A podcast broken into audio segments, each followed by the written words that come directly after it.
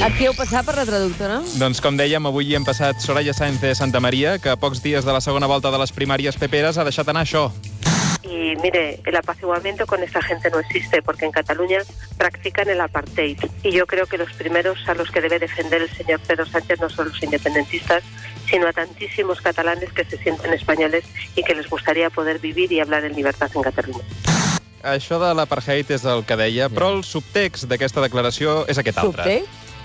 Y mire, I miri, estic tan desesperada perquè m'estan fent la pinça, el casado i la cospedal que ja només em queda dir la borrada més grossa que pugui per veure si així poso catxondos els més hooligans del partit.